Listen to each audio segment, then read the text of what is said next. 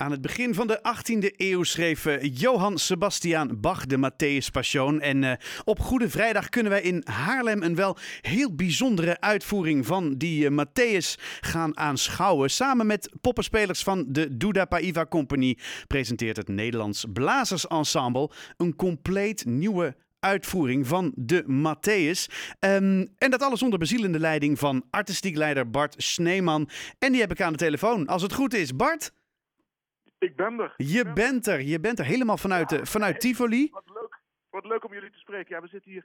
Ja, ik ben net even uit de repetitie weggelopen. We zitten hier midden in uh, het begin van de repetitie in de zaal. Dus het is uh, hartstikke gaaf. Met een koor. De, de La Musa koor uit Utrecht. Met alle spelers, de poppenspelers. Dus het is een heel gedoe hier. Het is hartstikke leuk. En je hebt het al ongetwijfeld 4000 keer uitgelegd. Maar wat maakt deze Matthäus nou anders dan de andere Matthäus? Matthäus. Matthäus. Ja, waar zal ik beginnen? Het, ja. Ten eerste is het. Ja, nou, ik. ik de, ja, de, de, de lengte is een hele andere. We hebben de, onze voorstelling duurt niet 3,5 uur, maar 70 minuten. We hebben het uh, verhaal, we hebben het verhaal van, van vlees en bloed gemaakt. Uh, Jezus Christus komt echt op het podium, Judas komt echt op het podium, Petrus, de hoge priesters, de engelen. Dat zijn echte levende wezens haast in de vorm van poppen, komen op het podium en, en vertellen dat verhaal en zingen dat verhaal. Um, we, hebben, we hebben twee geweldige zangers die ook poppenspelers zijn. Uh, Claire McFadden en Rick. Uh, en we hebben een koor uit Haarlem die uh, met ons de, de, beroemde, geweldige koorgehalen en alle koorpartijen zingen. Dus je zou kunnen zeggen dat het ook echt een Matthäus is, maar hij is totaal anders, omdat het, ja, is, misschien is het wel haast opera geworden in onze versie. Was daar, was daar behoefte aan? Want op zich, het, was een, het is natuurlijk gewoon een heel mooi stuk. Ja, natuurlijk, maar een mooi stuk zoals Bach zelf ook altijd zocht naar het avontuur in het bewerken van stukken, stukken van anderen, van hemzelf. Er zijn van haast elk stuk van Bach zijn er wel twintig versies die hij zelf bedacht heeft. Omdat hij steeds weer bezig was op creatieve manier om daar iets moois van te maken. Denk, kijk bijvoorbeeld naar Hohe Messen.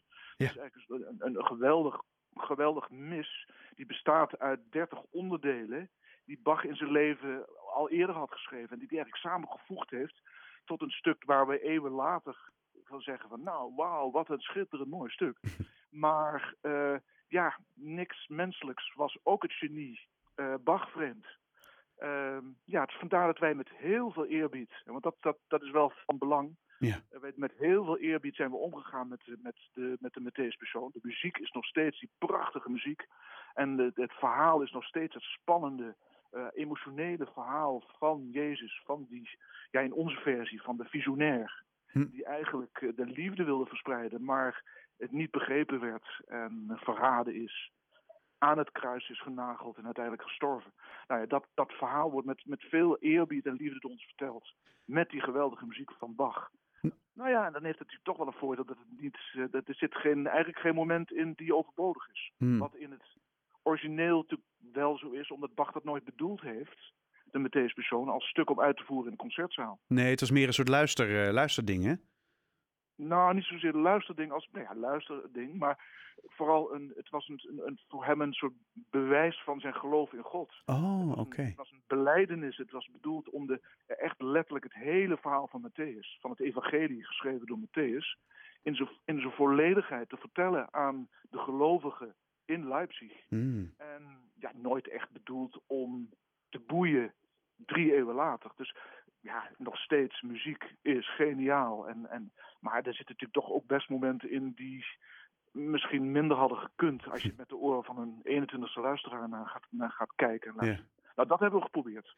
En, um, want is er voor jou persoonlijk nog een, een linkje te leggen? Want ik kan me ook voorstellen dat je op een gegeven moment denkt van ja, dit is natuurlijk best wel een, een, een ingewikkelde klus, om het zo maar even te zeggen.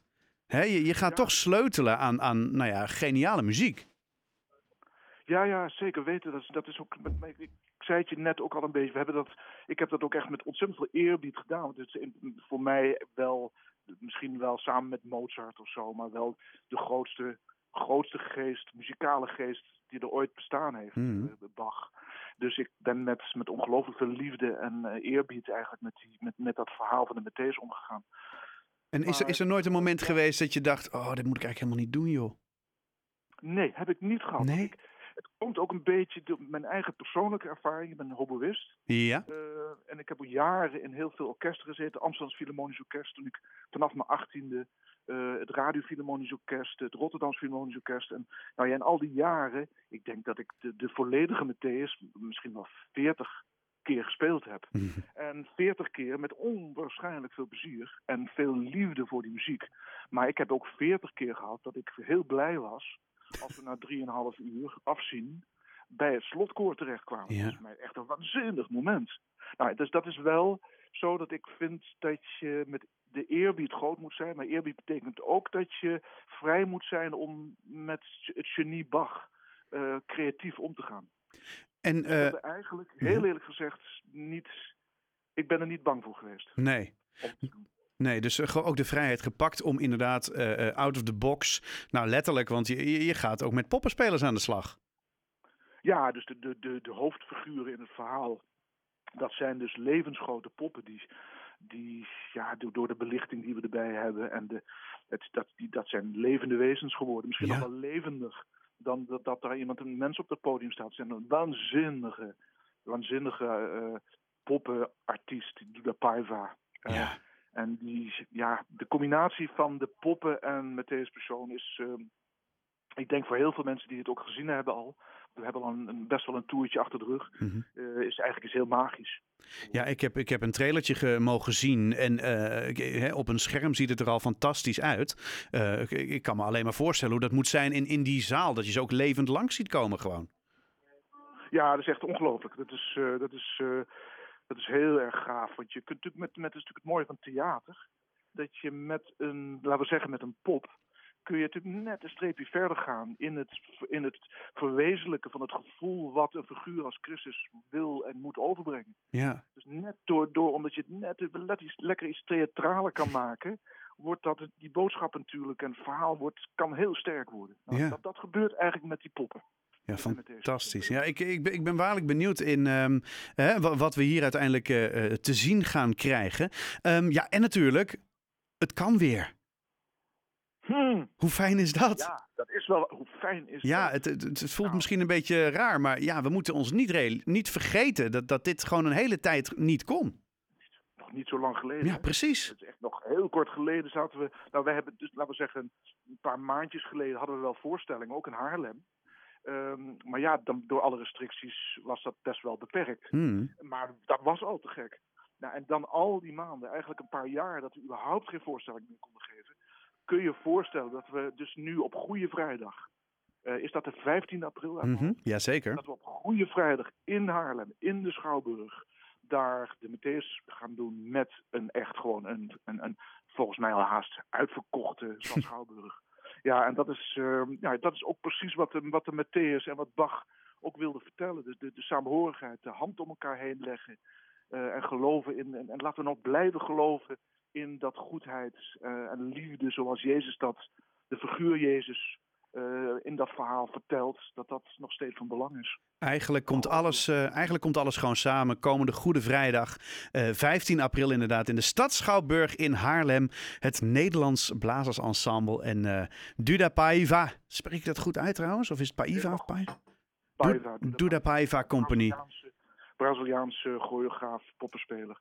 Fantastisch. Jullie gaan eh, de Matthäus brengen. Vanavond nog eh, in Tivoli in Utrecht. En ehm, de 15e bij ons in ons eigen Haarlem. Ehm, Bart Sneeman, heel veel succes vanavond. Toi, toi, toi.